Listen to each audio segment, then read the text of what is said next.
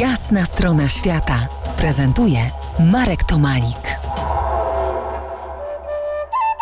Moim gościem Bartek Sabela z wykształcenia architekt, zamiłowania fotograf, snowboardzista, wspinacz i przede wszystkim pisarz, autor nagradzanych książek reportażowych o fantasmagoriach dalekich nam stron Zambii, Uzbekistanu i Sahary Zachodniej.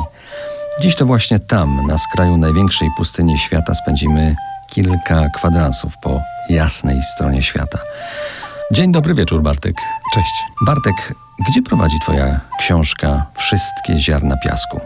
Kilka lat temu miałem okazję spędzić ten czas taki świąteczny, sylwestrowy w, w dość niezwykłym miejscu. Pierwszy raz wybrałem się na Zaharę Zachodnią e, do państwa, które formalnie nie istnieje. To w ogóle była taka, śmiesznie się historia zaczęła, bo temat znalazłem, zaczął się od, od zdjęcia, które znalazłem gdzieś tam w internecie.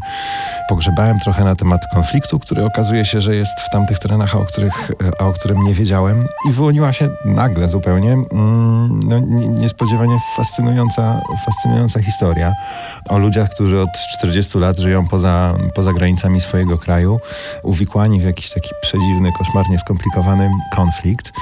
No i żyjąc poza granicami tego swojego kraju, w obozach uchodźców na terenie Algierii, no, zbudowali sobie tam taką namiastkę swojej wymarzonej państwowości. Okazało się, że w ramach tej namiastki utrzymują nawet misję dyplomatyczną w Warszawie, w Polsce. Jest przedstawiciel Saharyjskiej Arabskiej Republiki Demokratycznej, z którym się skontaktowałem i który umożliwił mi wyjazd do obozów uchodźców e, saharyjskich na terenie Algierii. Mało albo nic nie wiemy o obozach uchodźców na Saharze.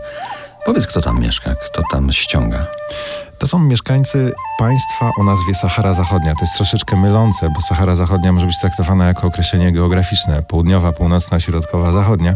Sahara Zachodnia jest nazwą państwa. E, państwa, które jest pod okupacją od 1975 roku. Jest okupowane przez e, sąsiadujące Maroko, które dobrze, dobrze znamy i wszyscy lubimy. E, ludzie, którzy mieszkają w obozach na terenie sąsiedniej Algierii, to są ludzie, którzy uciekli e, przed konfliktem, przed, e, przed wojną właśnie z terenów Sahary Zachodniej. To jest taki obszar, e, obszarny, dość duży rejon między, między Marokiem a, a Mauretanią. Uciekali w 75, 6, 7 roku, niektórzy jeszcze w latach 80., a nawet 90. Założyli swoje obozy tuż za granicą algierską, nieopodal miasta, e, algierskiego miasta e, Tinduf. Za niejaki kwadrans spróbujemy się przyjrzeć wirtualnemu państwu, które nazywa się Saharyjska Arabska Republika Demokratyczna. Zostańcie z nami w RMF Classic po jasnej stronie świata.